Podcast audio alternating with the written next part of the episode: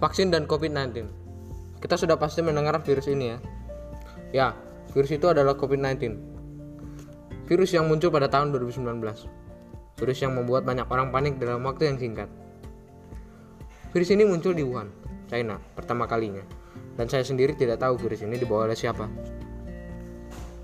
Jika ada virus, pasti vaksin harus segera dibuat sebelum virus bermutasi agar dapat memberhentikan virus dari menyebar. Virus ini menimbulkan beberapa gejala. Yang paling biasa ditemukan adalah batuk kering, demam, dan kelelahan. Setiap orang pasti memiliki gejala-gejala yang berbeda, jadi kita harus tetap waspada dengan lingkungan sekitar atau social distancing dan menggunakan masker serta cuci tangan sebelum memegang sesuatu. Vaksinnya sendiri sudah ada, tetapi masih harus tetap diperbarui lagi. Ini dikarenakan oleh mutasi yang terjadi pada COVID-19 yang selalu terjadi. Intinya, kita harus tetap waspada dan tetap menjaga pola hidup sehat kita agar tidak mudah terkena virus ini.